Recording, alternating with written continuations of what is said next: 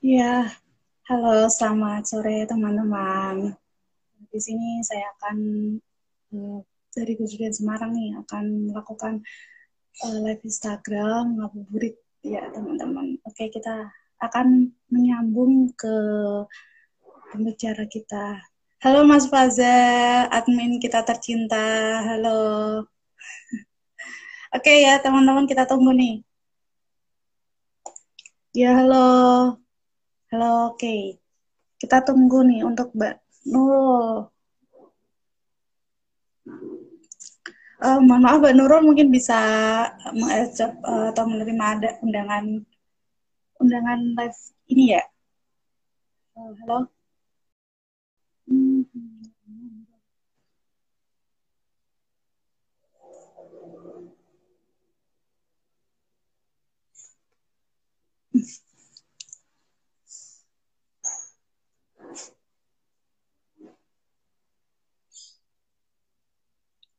Halo.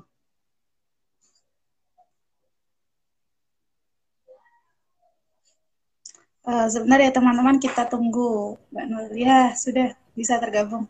Halo. Halo. Halo. Apa kabar? Um, baik. Eh suaraku kedengeran nggak ya? Uh, terdengar kok. Iya soalnya wifi kosan lagi agak-agak gimana gitu ya. Mohon maaf hmm. ini IndiHome. Iya, IndiHome emang kebiasaan. Oke, langsung mulai ya. Ya, Assalamualaikum warahmatullahi wabarakatuh. Selamat sore teman-teman, salam sejahtera bagi kita semua. Semoga sehat selalu ya. Uh, halo, selamat datang Mbak Nurul di acara ngabuburit bareng Gus Mini yang diadain oleh Gus Durian Semarang. Nah, uh, kali ini kita akan ngobrol santai aja ya, Mbak, membahas mengenai uh, budaya baru untuk kesetaraan gender nih. Oh iya, sebelumnya perkenalkan, aku Nur Itrato Fadila, biasa dipanggil Lala. Uh, aku uh, dari Gus Durian Universitas Diponegoro. Halo Mbak Nurul, mungkin uh, bisa perkenalan nih Mbak Nurul, CEO uh, Feminist Event nih. Silahkan Mbak Nurul. Iya, halo semuanya. Salam kenal, nama aku Nurul Dwi Astari, biasa dipanggil Nurul atau Mbak Nurul. Mbak admin juga boleh, karena aku ngadmin di dua dua apa dua Instagram gitu. Satu Instagramku sendiri, satunya juga ikut ngadmin di Feminist Event. Jadi ya. Feminist Event itu adalah suatu platform sosial media yang mana di situ kita menghimpun acara-acara feminis maupun gerakan perempuan yang ada di Indonesia. Itu jadi selama pandemi itu kan kita beralih ya, yang tadinya kita bisa melakukan workshop online um, seminar eh seminar offline maupun workshop secara langsung gitu bertatap muka. Terus akhirnya kita pindah nih jadi online online semuanya. Nah maka dari itu feminist event hadir untuk menghimpun semua acara-acara dari uh, teman-teman di komunitas gerakan perempuan agar ketika ada orang yang pengen belajar feminisme, ingin belajar tentang kesetaraan gender maupun program-program uh, kesetaraan gender yang ada di Indonesia tuh apa aja kayak gitu, bisa tuh ngelihat di uh, di Instagram kami maupun platform sosial media yang lain gitu. Jadi lebih gampang. Atau misalnya, oh Kak, aku tuh sekarang tinggalnya ada di uh, Jawa Barat, aku pengen pengen dong ikut um, apa kegiatan-kegiatan feminis tuh apa aja, ada nggak ya di Jawa Barat? Nah, kami juga mengakomodir itu kebutuhan teman-teman. Atau misalnya ada kasus-kasus um, kekerasan seksual kayak gitu yang melaporkannya itu bingung nih, aku dapat kasus kekerasan berbasis gender online, terus aku bingung harus ngapain, aku harus menghubungi siapa, itu juga bisa kontak kami, nanti kami hubungkan ke pengada layanan maupun ke teman-teman di gerakan perempuan yang memang mereka itu uh, punya konselor, punya uh, psikolog, terus juga um, ada program-program di komunitas mereka yang khusus menangani kasus-kasus kekerasan seksual di Indonesia khususnya kayak gitu. Oke, terima kasih. Sepertinya menarik hmm. teman-teman. Jangan lupa follow ya, IG-nya Event Feminis, Feminis Event dan juga IG Gusurian Semarang nih bagi teman-teman yang mungkin lebih dulu follow Feminis Event ya teman-teman. Oke Mbak, eh, langsung uh, membahas mengenai gender uh, di Indonesia sendiri kan sekarang uh, masyarakatnya itu menganggap bahwa gender dan seks itu sama ya Mbak. Padahal kedua itu adalah hal yang sangat berbeda dan gender kan uh, yeah. dalam, dalam kultur ya. Kalau di seks kan memang biologis atau bawaan dari lahir begitu. Nah, dari mm-hmm. sendiri ini mungkin bisa sharing-sharing mengenai apa sih itu seks, apa sih itu gender, begitu Mbak. Silakan. Oh iya. Iya, um, ini tuh sering banget ya yang jadi perdebatan gitu oleh banyak orang. Bahkan di tahun 2021 perempuan tuh masih sering banget ya kalau misalnya kita lagi lagi berkarya nih, terus langsung ada tiba-tiba ada laki-laki yang eh, nggak uh, tahu ada angin, ada hujan, terus tiba-tiba dia langsung ngomong, Iya boleh sih perempuan berkarya gitu, tapi asal kamu tuh tahu kodrat kamu gitu. Nah orang tuh masih sal eh, masih sering banget salah mengartikan kodrat kodrat itu apa gitu. Padahal yang dinamakan dengan kodrat atau uh, kodrat itu adalah pemberian dari Tuhan gitu ya, yang tidak bisa dipertukarkan. Atau dalam hal ini ketika kita berbicaranya adalah perempuan dan laki-laki, berarti perbedaannya hanya pada biologisnya. Ketika laki-laki itu punya penis, laki, uh, perempuan itu punya vagina, laki-laki bisa menghasilkan sperma gitu ya, dan perempuan itu punya rahim yang akhirnya dia itu mempunyai kemungkinan untuk bisa hamil, melahirkan, terus dia nifas juga, menstruasi gitu. Belum belum juga um, kodratnya misalnya kayak uh, dia bisa menyusui karena dia punya payudara yang memproduksi ASI kayak gitu. Itu baru yang dinamakan dengan kodrat. Sedangkan tadi ya kalau misalnya gender, gender berarti di luar itu semua, di luar yang tadi kalau laki-laki punya penis, perempuan punya vagina dan juga rahim, ya di luar itu semua berarti itu adalah gender, adalah konstruksi sosial. Dibuatnya oleh siapa? Bukan oleh Tuhan, tapi oleh kita nih, oleh masyarakat yang membuat yang melekatkan gitu ya peran-peran tertentu ataupun sifat-sifat tertentu kepada salah satu jenis kelamin gitu. Misalnya kalau ke laki-laki, oh laki-laki berarti kalau udah besar dia tuh harusnya harus yang kuat, harus uh, maskulin gitu ya, harus kuat, harus tegas, dia harus bisa memimpin kayak gitu. Sifat-sifat yang seperti ini. Padahal sifat yang kayak gini tuh sebenarnya bisa loh diterapkan ke perempuan juga. Jadi yang namanya uh, gender itu peran dan juga sifatnya itu bisa dipertukarkan gitu. Terus eh, kalau untuk lebih mudahnya gitu untuk memahami hal ini adalah misalnya ketika ada bayi baru lahir tuh ya um, bayi baru lahir, gimana caranya dokter dia tuh tahu bahwa ini bayi laki-laki dan ini tuh bayi perempuan? Gimana? Ya. Dilihat dari jenis alat kelaminnya kan? Yes. Iya, dilihat dari alat kelaminnya. Oh, kalau dia punya penis, oh berarti dia bayi laki-laki. Oh, kalau dia uh, punya vagina berarti dia bayi perempuan. Nah, yang ini perempuan dan laki-laki terus akhirnya disepakati oleh masyarakat oh ini namanya jenis kelamin gitu ya. Kita sebut saja itu adalah seks atau jenis kelamin di dalam bahasa Indonesia gitu. Nah di luar itu nah setelah bayi ini lahir terus nanti pasti banyak nih tetangga-tetangga mereka yang mau jengukin terus mereka tuh um, bawa-bawa misalnya bingkisan bingkisannya warna biru baju warna biru, terus uh, misalnya mainan, mainannya robot-robotan, mainannya warna biru, hitam, kayak gitu. Nah, ini otomatis untuk siapa? Pasti untuk bayi yang laki-laki.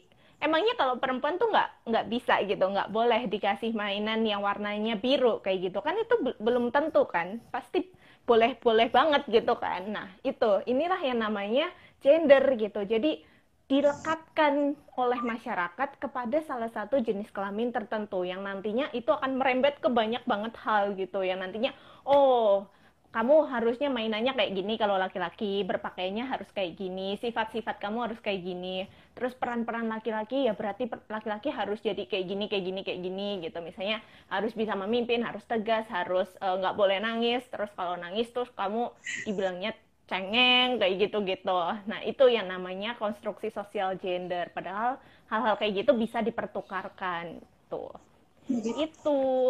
Iya, Mbak. Oh iya, hmm. merembet ke tadi kan bahas warna tuh. Ada warna yang mungkin yeah. ini iya. mas ini feminis ya. Uh, dan aku sendiri nih uh, dalam hal ini uh, pernah menemui voice of gender sendiri. Uh, ibaratnya nih, aku seorang aku berkata kasar, berkata hal-hal yang jorok tuh dalam konstruksi sosial masyarakat tuh menganggap iya ini perempuan kok itu gitu loh mbak. Tapi kalau laki-laki ini laki-laki yang uh, berkata kasar, berkata kotor itu bagi masyarakat tuh udah hal biasa gitu loh. Itu ini kan semakin menjelaskan bahwa adanya ketimpangan gitu, adanya konstruksi sosial yang mm -hmm. menurutku ini nggak banget gitu loh mbak. Nah itu gimana sih mbak menanggapi adanya yeah. gender itu sendiri? Mm-mm. Nah, makanya ini kan jadi kita penting banget dari uh, masa pertumbuhan gitu ya. Kita jadi ngomongin yang namanya pola asuh yang genderless gitu. Kita di masa yang sekarang itu harusnya sudah menerapkan pola asuh kepada anak itu yang tidak membeda-bedakan anak berdasarkan gendernya gitu. Mau dia gendernya laki-laki, uh, apa jenis kelaminnya laki-laki maupun perempuan ataupun uh, yang lain gitu ya. Yang gak usah dibeda-bedain gitu. Kalau misalnya laki-laki uh, dia diajarin untuk lebih aktif gitu ya. Dia main sport, uh, sepak bola, bulu tangkis dan sebagainya. Perempuan juga boleh diajarin kayak gitu, boleh diajarin uh, bela diri dan sebagainya gitu. Jangan dinormalisasi dari kecil.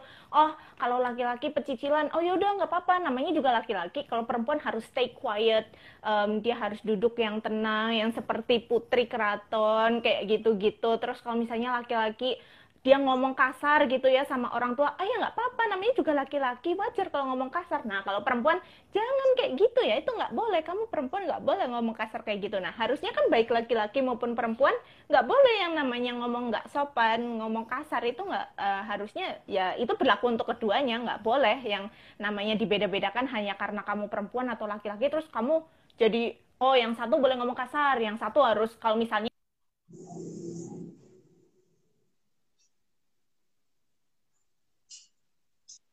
Uh, bentar ya, ada telepon. Iya. Iya, iya, iya, iya. Ya, intinya seperti itu. Intinya jangan jangan membeda-bedakan uh, pola asuhnya itu antara satu anak dengan anak yang lain. Um, saya izin sebentar ya untuk membalas uh, chat yang sepertinya ini agak penting dikit. Oh, Bentar ya. Oh ya, uh, dari teman-teman nih, kita kan udah udah membahas di kita mengenai gender gitu. Nah, uh, kalaupun teman-teman ada pertanyaan, bisa tuh nanti diajuin pertanyaannya. Nanti uh, mungkin di akhir sesi kita akan menjawab ya.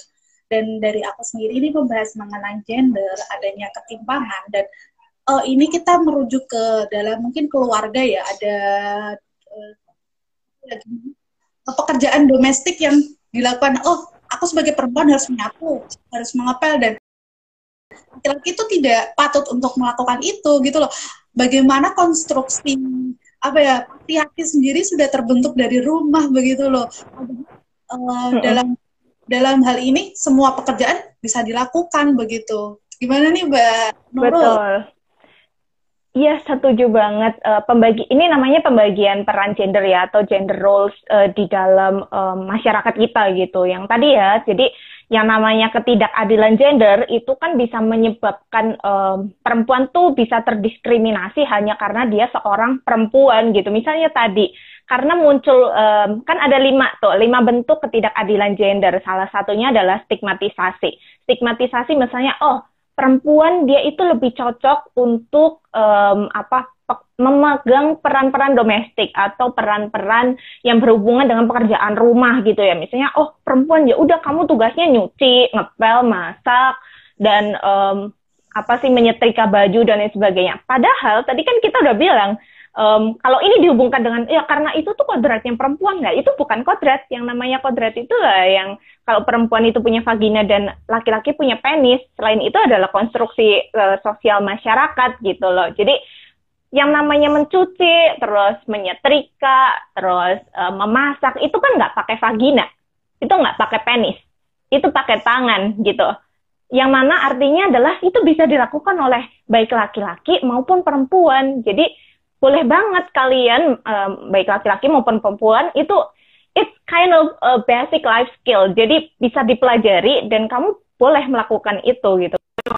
Itu gitu. Jadi ya nggak ada masalah sebenarnya kalau um, justru malah yang lebih enak tuh kita jadi bekerja sama gitu loh di dalam keluarga kita kerjasama untuk mengerjakan semua pekerjaan domestik. Jadi jangan dibebankan semua ke anak perempuan atau ke ibu doang, tapi seluruh anggota keluarga dibagi secara um, adil gitu. Itu. Terima kasih Mbak. Itu karena uh, gimana ya pembagian peran di dalam keluarga itu penting ya. Contoh uh, ini ya penting. ada uh, bapak saya juga nggak masalah buat ngepel, nyapu itu nggak masalah. Akhirnya uh, sedikit budaya apa ya budaya patriarki di rumah itu udah mulai tergerus begitu. Nah, uh, iya dan dan juga Iya, ya, karena gitu. kalau misalnya semua dibebankan kepada perempuan, nanti yang muncul adalah ketidakadilan gender yang namanya beban ganda perempuan. Jadi misalnya ada nih perempuan buruh gitu ya, dia perempuan buruh. Um, di dalam suatu keluarga, laki-lakinya bekerja dan perempuannya itu bekerja gitu. Karena kan tidak semua tidak semua um, keluarga itu kan bisa bisa apa ya namanya um, hanya laki-lakinya saja yang yang mencari nafkah atau yang bekerja. Pasti ada juga yang istrinya ikut bekerja. Nah, ketika si istrinya bekerja terus dia pulang sampai rumah itu semua pekerjaan domestik dibebankan kepada si istri semua itu namanya beban ganda perempuan gitu. Karena ya tadi itu berawal dari yang namanya pelabelan gitu ya. Ya ini semua adalah tanggung jawabnya istri gitu ya. Bro amat kalau gue tuh nggak mau gue sebagai suami nggak mau bantuin istri ya karena itu tanggung tanggung jawabannya istri lah. Dia yang harus ngurus rumah dan sebagainya. Padahal dia juga sudah bekerja loh gitu. Makanya kan harus ada yang namanya um, pembagian kerja secara setara di dalam keluarga gitu. Semua harus dilibatkan. Jangan cuma ke anak perempuan, jangan cuma ke tadi ibu kayak gitu. Oke, Mbak. Ini tadi ya, Mbak, kita kan udah membahas mengenai adanya beban ganda di keluarga, kayak tentang patriarki. Nah, ini kan keadilan gender nih, Mbak. Ah, nah, bentuk-bentuk ketidakadilan gender selain beban ganda, mungkin ada hal-hal yang lain tidak adanya kesetaraan gender itu sendiri apa aja, Mbak? Silahkan. Mm -hmm. Iya, tadi kan um, ketidakadilan gender itu sebenarnya ada lima. Yang pertama itu kan ada stigmatisasi ya, tadi pelabelan gitu. Misalnya um, tadi um, label, oh janda gitu ya. Janda itu sering banget dilabeli gitu. Uh, entah dia dilabelin sebagai, oh jangan deket-deket sama janda, nanti uh, suami kamu digoda, jadi janda itu yang menggoda dan sebagainya. Atau ketika terjadi perselingkuhan, pasti perempuannya dulu yang disalahkan. Gitu oh dasar pelakor gitu. Mana mana mana gitu. Mana ada gitu. Laki-laki jarang sekali di dikasih stigma bahwa dia juga berselingkuh loh. Yang namanya perselingkuhan itu kan terjadi dua dua orang gitu ya. Bukan bukan hanya satu orang perempuannya saja gitu kan. Nah itu yang namanya um, pelabelan gitu kan. Pelabelan negatif terhadap salah satu um, jenis kelamin gitu. Terutama kepada perempuan gitu. Bagaimana terus akhirnya ada perempuan yang tidak boleh bekerja hanya karena dia itu seorang perempuan. Terus gimana yang perempuan kepala rumah tangga gitu? Perempuan kepala rumah tangga itu kan dia harus menghidupi anaknya, keluarganya. Terus kalau misalnya dia nggak boleh kerja, terus gimana keluarganya bisa hidup gitu ya? Terus tadi ada ada yang udah komen tuh marginalisasi ya bener banget marginalisasi atau diskriminasi gitu ya diskriminasi misalnya perempuan nggak boleh um, masuk um, sekolah jurusan tertentu hanya karena dia seorang perempuan. Misalnya, oh aku nggak boleh masuk jurusan teknik karena ya perempuan itu lebih baik jadi guru aja gitu. Uh, karena lebih cocok kalau misalnya jadi guru um, atau misalnya kamu ambil deh pekerjaan-pekerjaan yang related to the um, domestic work or um, apa kerja-kerja perawatan gitu. Jadi perawat nursing nurturing kayak gitu-gitu. Itu kan secara tidak langsung itu juga meminggirkan atau memarginalis memarginal memarginalisasi perempuan. Atau misalnya perempuan buruh gitu ya. Perempuan buruh ketika dia itu buruh pabrik ketika dia ditawarin pekerjaannya lebih bagus sama bosnya tuh dibilang ah jangan jangan jangan pindah kerjaan dulu. Kamu di sini aja dulu karena kami masih membutuhkan kamu.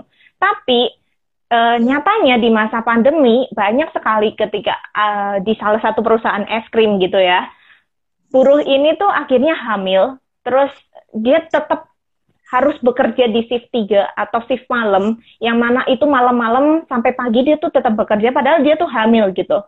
Nah akhirnya dia mengalami keguguran. Ketika si buruh ini keguguran yang itu bukan hanya satu atau dua perempuan ya akhirnya apa yang terjadi buruh ini dipecat gitu karena dia keguguran. Padahal yang menyebabkan itu semua adalah sistem yang tidak adil terhadap perempuan. Yang tadi hmm. harusnya perempuan yang hamil tidak boleh ambil shift malam gitu. Dia shiftnya diganti gitu agar ya karena itu ya namanya kerja di pabrik itu sangat berat. Teman-temanku aku dulu SMK gitu ya. Jadi aku tahu teman-teman SMK yang kerja di pabrik tuh begitu beratnya gitu. Apalagi ketika kita ngomongin cuti menstruasi, cuti hamil, cuti melahirkan gitu ya. Belum tentu teman-teman bisa mengakses itu. Ketika teman-temanku yang yang kerja di pabrik itu uh, mereka mau mengambil cuti menstruasi pasti dipersulit. Dianggapnya kayak itu beneran menstruasi apa enggak gitu. Jadi dipertanyakan gitu loh, dipertanyakan belum mengambil um, surat dari dokter kayak gitu ya. Nah, terus ada juga yang misalnya cuti melahirkan ketika perempuan dapat cuti melahirkan setelah dia mau balik dianggapnya sudah tidak produktif gitu.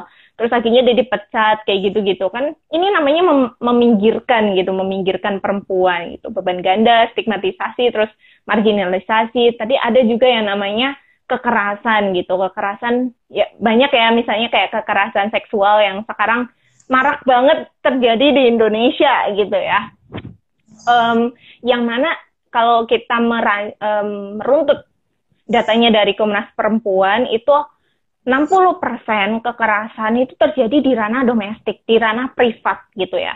Um, yang artinya pelakunya siapa? Orang orang terdekat kita gitu.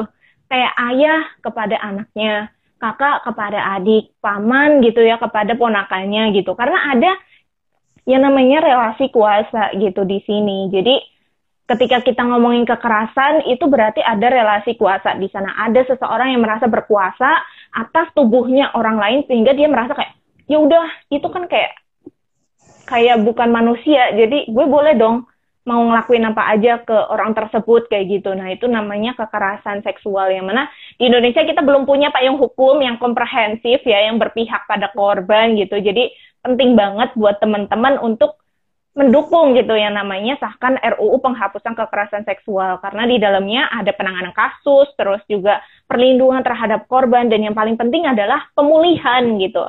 Karena yang namanya seseorang jadi korban kekerasan seksual dia mengalami trauma yang harus e, negara harus hadir di sana untuk memberikan pemulihan gitu. Masa enak banget ya pelaku tuh bisa bisa kabur bisa tetap bekerja bisa melalang buana sedangkan korbannya tiap malam tuh trauma gitu loh. Jangankan dia mau bekerja ataupun mau menjalani kehidupannya, tiap mau tidur ya keingat kejadian itu terus gitu. Gimana dia bisa berdaya gitu kan. Itu.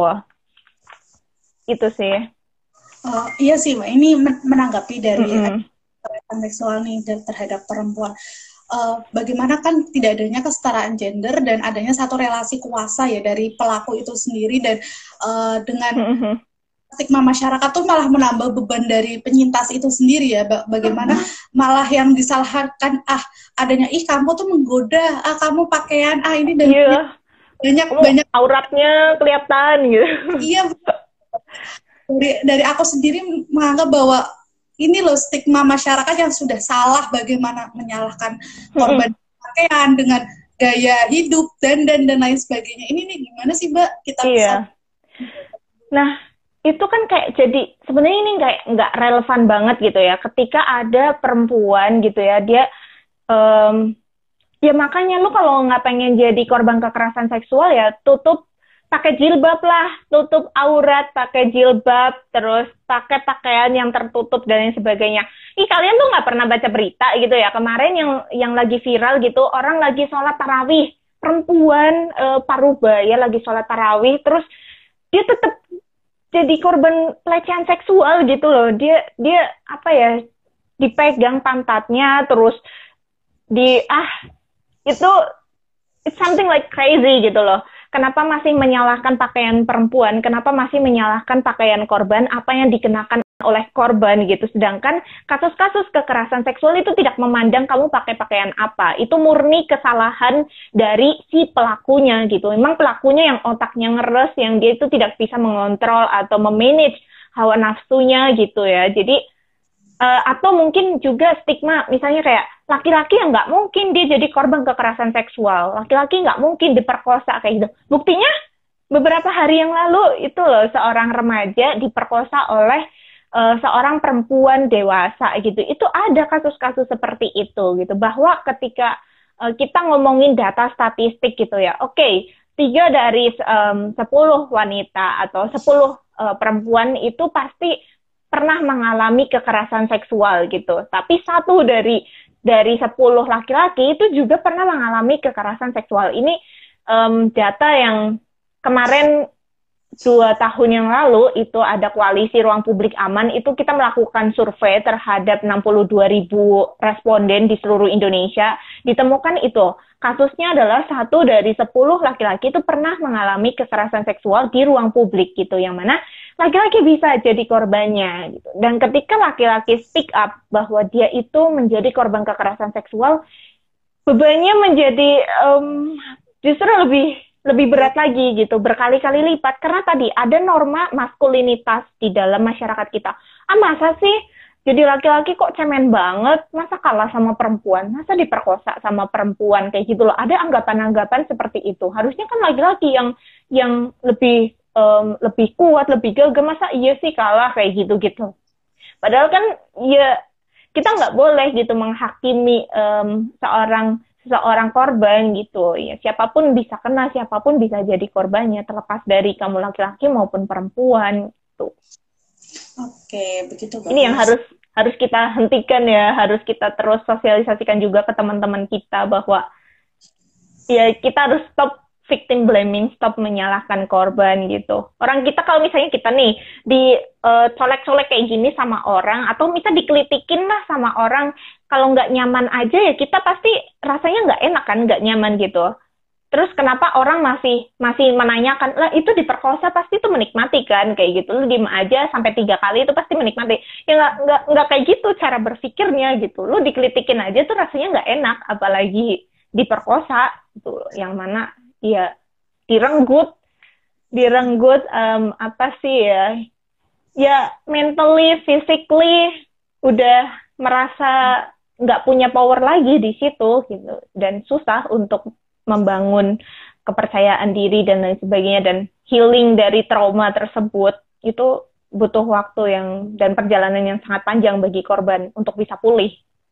Ya, benar sekali. Eh, mohon maaf ini malah jadi ngomongnya banyak banget. Ya, oh sih, ya. Ini mengenai tadi korban KS nih, uh, kan hmm. kan ada korban KS pernah di stigma gini, kenapa kamu nggak melawan? Kamu kok menikmati dan dan lain-lain. Hmm. Ya, kalau menjadi hmm. korban waktu saat itu kayak kayak nge-freeze gitu kan nggak bisa ngapa-ngapain dan iya benar-benar gitu nah ini loh hmm. nah yang mungkin hmm. uh, harus diubah di kalangan masyarakat Indonesia iya Mm-mm. Itu jadi jadi ketika seseorang dia tuh um, menjadi korban kekerasan seksual ataupun pelecehan seksual, dia itu akan men- mengalami yang namanya tonic immobility atau nge-freeze itu tadi. Kayak kayak kita tuh sebenarnya wah itu nggak pengen ini terjadi sama aku gitu. Tapi tapi tubuh kita tuh responnya lain. Tubuh kita nge-freeze terus kita nggak bisa ngapa-ngapain gitu ya. Kita pengen melawan tapi kita nggak bisa gitu loh. Nah itu yang namanya tonic immobility. Itu ada uh, apa? Ada nama sainsnya gitu. Jadi bukan bukan karena mengada-ngada. Oh kalau diam pasti menikmati ya enggak gitu loh. Karena tubuhnya nggak bisa shock gitu. Kita nggak bisa nggak bisa merespon dan uh, apa pikiran kita nggak bisa berpikir secara logis gitu.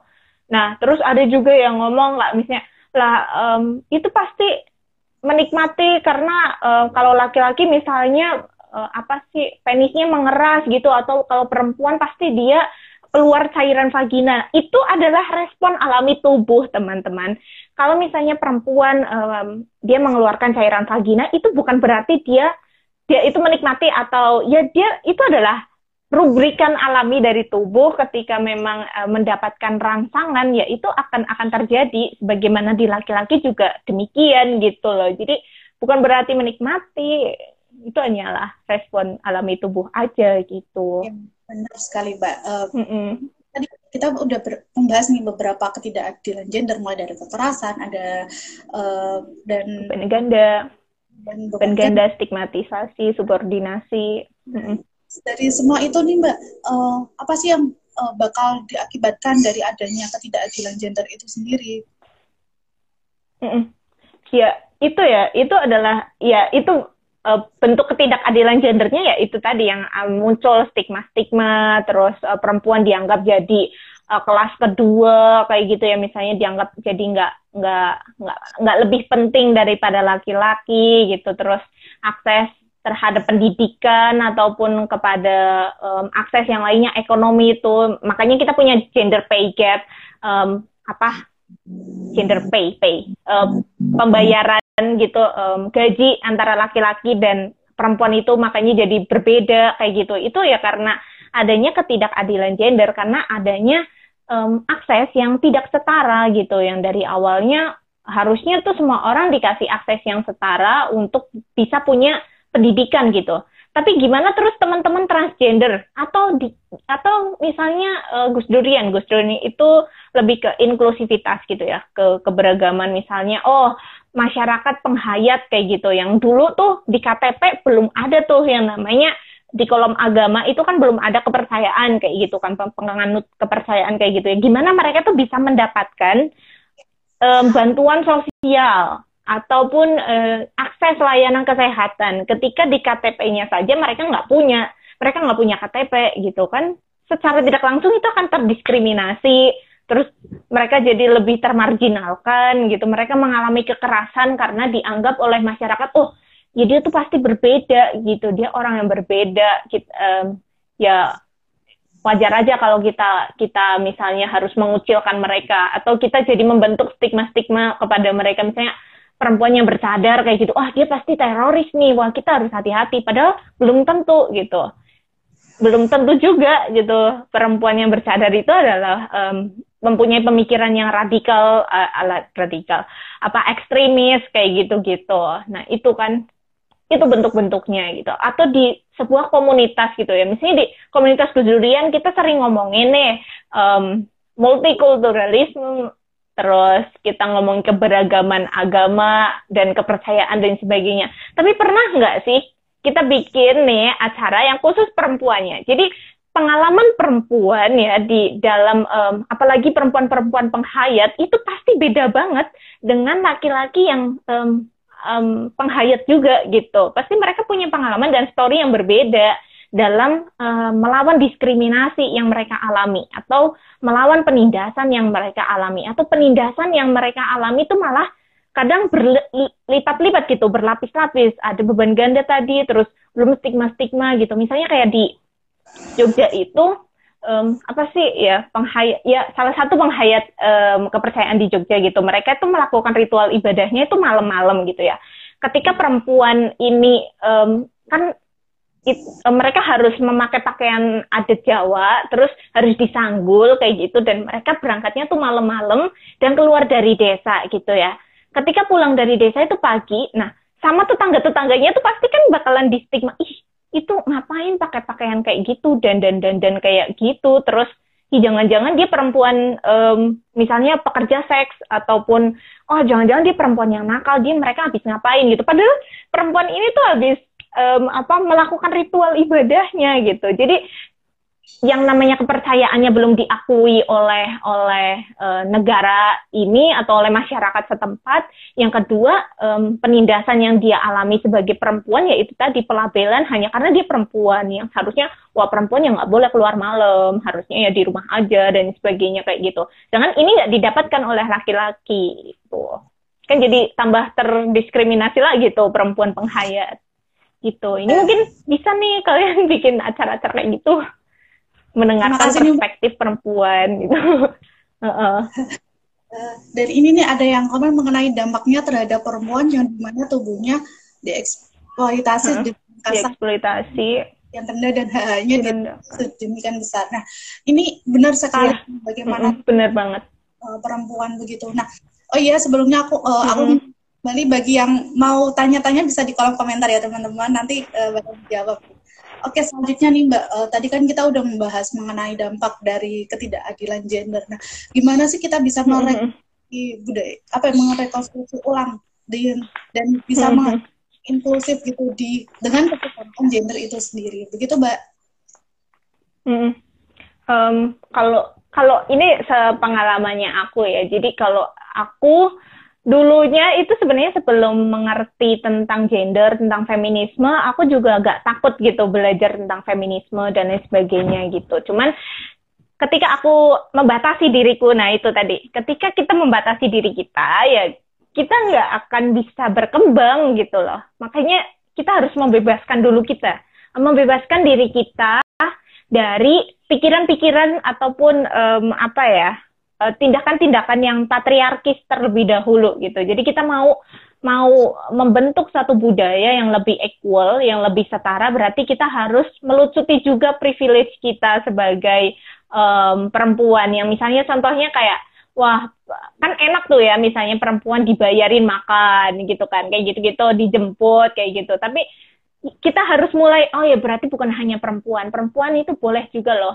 um, ngas apa ya bayarin makan laki-laki gitu. Ataupun kita yang traktir makan mereka kita yang jemput mereka duluan. Atau misalnya kita lebih kuat dari mereka kita um, ngapain gitu ya angkatin apa sesuatu apa apa pun yang kita bisa gitu kita harus bisa membebaskan diri kita dari dari tadi itu belenggu-belenggu patriarki terlebih dahulu gitu. Ketika kita sudah bebas um, dari belenggu-belenggu tersebut ya kita bakalan lebih bisa belajar hal-hal yang lainnya gitu Terus um, yang lebih penting lagi juga membentuk supporting system ya. Supporting system itu penting banget. Misalnya kita bergabung sama teman-teman uh, sesama perempuan untuk bisa saling mendukung. Karena percaya nggak percaya perempuan di lini apa pun, baik itu di skala pendidikan, ekonomi, pekerjaan, apalagi di dunia karir itu hambatannya berkali-kali lipat gitu ya apalagi kalau perempuan sudah berkeluarga dan dia tetap bekerja itu tetap ada lagi nanti um, hambatan-hambatan yang tidak terlihat yang membuat dia itu tidak bisa mencapai posisi atau jabatan tertentu. Makanya kita butuh berserikat, kita butuh supporting system sesama perempuan untuk menguatkan kita nih, menguatkan kita dan agar kita tuh bisa, oh, um, aku punya pilihan hidup yang ini, aku punya akses terhadap sana gitu ya. Jadi aku punya teman-teman yang mendukungku. Jadi nggak gampang apa ya ngedown gitu loh gitu. Juga supporting system ini juga bukan hanya sesama perempuan, tapi laki-laki juga harus ambil bagian di situ.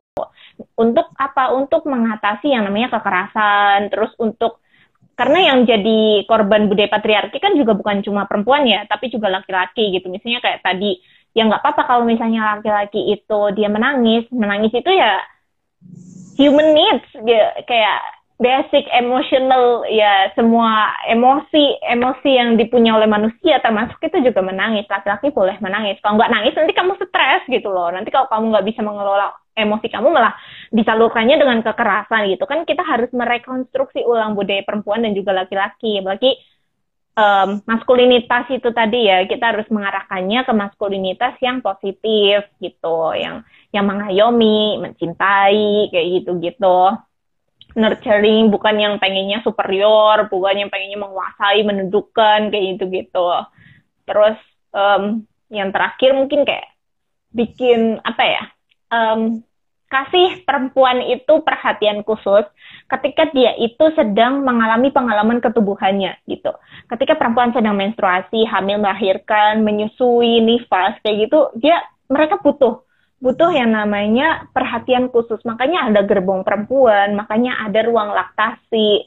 Uh, makanya di dalam komunitas ataupun uh, ketika ada suatu bencana kita bikin kamar mandi yang berbeda gitu kamar mandi laki-laki dan perempuan dan kamar mandi perempuan harus lebih banyak karena ya itu tadi perempuan misalnya lagi menstruasi kita butuh air lebih banyak gitu kan kita ganti pembalut itu butuh waktu yang lebih banyak makanya um, apa toilet untuk perempuan itu harusnya lebih banyak kayak gitu. Jadi itu adalah salah satu cara untuk untuk memberikan perhatian khusus bagi uh, perempuan yang sedang mengalami pengalaman ketubuhannya. Selain itu kita harus percaya juga pada perempuan, pada cerita dan juga pengalaman perempuan. Ini penting banget sih. Gitu. Jadi ya di apa sih di skala apa pun sih ya mau itu diri sendiri, masyarakat, um, negara kayak gitu itu penting untuk mengakomodir yang namanya kebutuhan perempuan. Ya aku jadi keinget itu Gus Dur. Jadi Gus Dur itu yang menginisiasi adanya pengaruh utamaan gender di Indonesia gitu loh. Yang itu yang sekarang jadi um, apa ya role atau jadi acuan kita ketika kita membentuk satu program itu harus mengarus uh, harus mengacu pada pengaruh utamaan gender di segala kementerian maupun um, bahkan di komunitas-komunitas instansi dan sebagainya. Itu kan kurang progresif apalagi gitu. Apalagi kalau misalnya membicarakan tentang maskulinitas ya Gus Dur dia tuh nggak malu loh gitu untuk mengganti popok anak-anaknya untuk nganterin anak-anaknya ngambil raport dan lain sebagainya kayak gitu nah ini kan ya yang namanya peran-peran seperti itu bisa laki-laki, bisa perempuan, siapa yang bisa ya sok monggo dibicarakan sesuai kesepakatan uh, di dalam keluarga seperti apa gitu, baiknya seperti apa kayak gitu-gitu. Jadi jangan saklek ya, jangan saklek. Jangan dibakukan lah peran gender ini, tapi lebih cair lagi. Benar banget. Oke, okay, gitu. Mbak. Mm -hmm. uh, berarti ini kelebih bagaimana stigma, bagaimana pola pikir kita sebagai mm -hmm. masyarakat uh, bisa diubah dan uh, ibaratnya kita saling support antar antar ya baik antar perempuan laki-laki dan perempuan dan yeah. laki-laki sendiri begitu iya yeah, benar jadi kalau misalnya kayak perempuan tuh disuruh untuk bekerja, untuk berdaya atau ikut komunitas Gus Durian tuh semua perempuan harus ikut Gus Durian semua. Atau um, perempuan harus berkiprah di komunitas ABCD harus bekerja di sini, di situ, dan lain sebagainya. Tapi laki-laki nggak pernah dikasih tahu untuk dia berperan di ranah domestik yang ada nanti jadinya beban ganda kayak gitu. Makanya butuh yang namanya laki-laki dan perempuan itu saling bekerja sama. Agar apa? Agar mereka bisa sama-sama bermanfaat gitu. Bermanfaat untuk dirinya, untuk keluarganya, untuk masyarakat, untuk bangsa dan negara, kayak gitu. Jadi harus ada kerjasama dua-duanya lah. Um, kesalingan, nah gitu agar lebih bahagia dan membahagiakan. Ya, benar sekali. Oh iya, teman-teman nih, uh, aku ingatin ini mau yang bertanya silakan di kolom komentar. Ini uh, udah ada satu pertanyaan nih, Mbak. Mungkin langsung dijawab nih. Uh, bagaimana uh. Menyikapi gender atau rekonstruksi di era milenial? Nah, ini hampir sama tadi ya, Mbak, untuk budaya baru. Nah, mungkin lebih anuin ke milenialnya gitu. Silakan, Mbak kenapa sih orang-orang selalu pakai apa milenial milenial kayak gitu buat apa gitu nah aku tuh masuk masuk generasi apa ya aku tuh ya mungkin kayak lebih um, sekarang itu um, apa ya kan sekarang zamannya mungkin lebih ke yang pandemi gitu ya di pandemi ini kan kita lebih banyak semuanya tuh serba online dan sebagainya di sisi lain banyak sekali yang namanya kekerasan, bullying dan lain sebagainya atau sexual harassment in a online platform gitu ya. Um, apa KBGO, kekerasan berbasis gender online kayak gitu. Makanya kita harus lebih berhati-hati tuh ya di dalam uh, ketika kita um, apa ya? Berinternet, berinteraksi melalui sosial media dan lain sebagainya gitu. Uh, termasuk kita harus ngecek privasi-privasi di sosial media kita. Uh, nomor nomor handphone kita itu dipakai untuk um, sosial media apa atau untuk email atau untuk kerja dan sebagainya itu harus dicek ulang gitu kan. Um, terus gimana sih peran-peran kita untuk me, apa ya membentuk budaya baru gitu ya di di era milenial kayak gini. Milenial sekarang itu teman-teman generasi sekarang itu mereka malah justru lebih melek terhadap uh, gender gitu Contohnya misalnya kalau di sosial media ada orang yang jelek-jelekin perempuan atau yang menseksualisasi perempuan gitu ya. Siap-siap aja itu kalian bakalan diserbu oleh netizen-netizen. Ya jangan dong, jangan uh, jangan apa, jangan melecehkan perempuan dan sebagainya. Itu gerakan gerakan ya everyone kayak udah jadi everybody feminist sekarang gitu loh kayak kayak banyak banget yang sudah mulai sadar, sudah mulai aware tentang kekerasan seksual, apalagi di dunia online kayak gitu loh untuk untuk membela hak-hak perempuan kayak gitu. Itu sebenarnya itu adalah salah satu apa ya salah satu kemajuan gitu kemajuan uh, di anak-anak zaman sekarang tuh kayak lebih open terhadap gender tertentu ataupun terhadap perbedaan-perbedaan. Tapi di sisi lain masih ada juga eh, kelompok-kelompok yang pengennya menarik kembali um, uh, apa ya pemahaman-pemahaman yang masih sangat uh, konservatif atau tradisional kayak gitu itu juga masih sangat banyak gitu. Jadi kalau misalnya kita dihubungkan dengan dengan apa internet kayak gitu ya silakan berkampanye gitu ya di sosial media masing-masing. Nggak harus bikin konten kalian bisa men-share postingan-postingan yang inklusif dari sosial media yang inklusif. Misalnya dari Gus Durian Semarang. Itu kan pasti inklusif ya. Bukan agama satu atau dua agama saja yang di, yang dibahas. Tapi juga um, ya kepercayaan-kepercayaan yang lain. Ataupun nilai nilai-nilai kemanusiaan. Nah, nilai kemanusiaan ini kan uh, ya otomatis di dalamnya ada kesetaraan dan juga keadilan gitu. Gimana kamu bisa berlaku adil ke orang kalau kamu tuh nggak bisa menganggap orang lain itu secara setara dengan kamu sebagai manusia gitu kan? Gitu. Ya bisa di share postingan-postingan yang yang lebih inklusif, yang tidak mendiskriminasi orang lain, yang tidak um, rasis gitu ya, ataupun merendahkan orang lain kayak gitu-gitu. Bentuk budaya yang baru seperti itu sih. Dan um, kasih tahu teman-teman kamu gitu ya misalnya kamu kamu udah dapat materi gender nih oh ternyata yang tadi itu uh, materi gender oh ternyata itu cuma konstruksi sosial ternyata laki-laki juga boleh loh pakai baju ini dan itu kita boleh begini begitu perempuan juga boleh uh, berkarya dan sebagainya. Nah, itu bisa kalian diskusikan tuh dengan teman-teman kalian gitu. Jadi, yang tahu pengetahuan ini bukan cuma kalian, tapi teman-teman kalian, teman-teman di komunitas uh, maupun uh, di skala yang lebih lebih luas, teman-teman di kampus kah atau mana pun kayak gitu. Jadi lebih lebih meluas lagi nih gerakannya gitu. Oke, terima kasih ini sepertinya uh, ayo teman-teman kalau ada pertanyaan sebelum kita mau nutup nih udah ternyata udah 25 menit kita ngobrol waduh waduh cepat sekali ya jadi kita bangga tidak hanya tidak hanya cuma main-main nah ini uh, aku sendiri yuk kita mengkapanyekan bagaimana kesetaraan gender mm -hmm. dengan tadi yang seperti mm -hmm. benar cerita atau dan uh, bagaimana nanti kita akan uh, memiliki pola pikir yang lebih terbuka dan open mind gitu daripada yeah. kita akan mm -mm. tetap dan lain sebagainya gitu.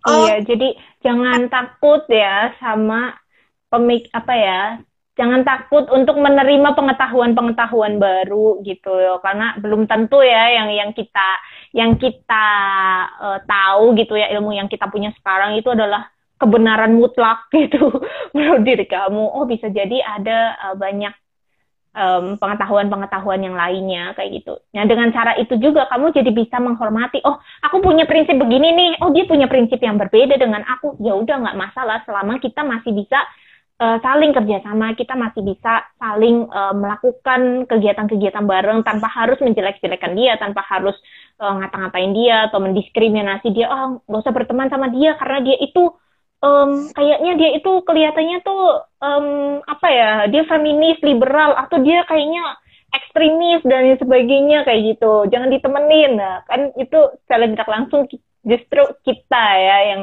yang mendiskriminasi orang lain kayak gitu. Padahal semua orang harus punya hak yang sama kesempatan yang sama bahkan untuk mengungkapkan gitu pendapatnya. Oh ya aku nggak setuju sama pendapatnya Mbak Nurul Kenapa gitu ya? Itu boleh diungkapkan gitu karena kita punya kesempatan yang sama, kita punya hak yang sama gitu. Terlepas nanti kamu mau menerima pendapatku atau enggak ya itu dikembalikan ke diri masing-masing.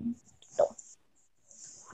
Oke, terima kasih Mbak. Oke, hmm. ini udah di ujung sesi nih Mbak. Uh, untuk terakhir nih. Oh, wow. Uh, padahal lagi seru ya kita. Apa ya? Itu seru banget sebenarnya, tapi karena ini juga mau hmm. ada buka puasa ya mau ada yang nyiapin beli takjil mungkin ya yang masak juga. Iya betul betul. Nah, uh, di ujung ini mungkin dari Mbak Nurul ada closing statement nih atau mungkin apa ya petualah atau apa gitu.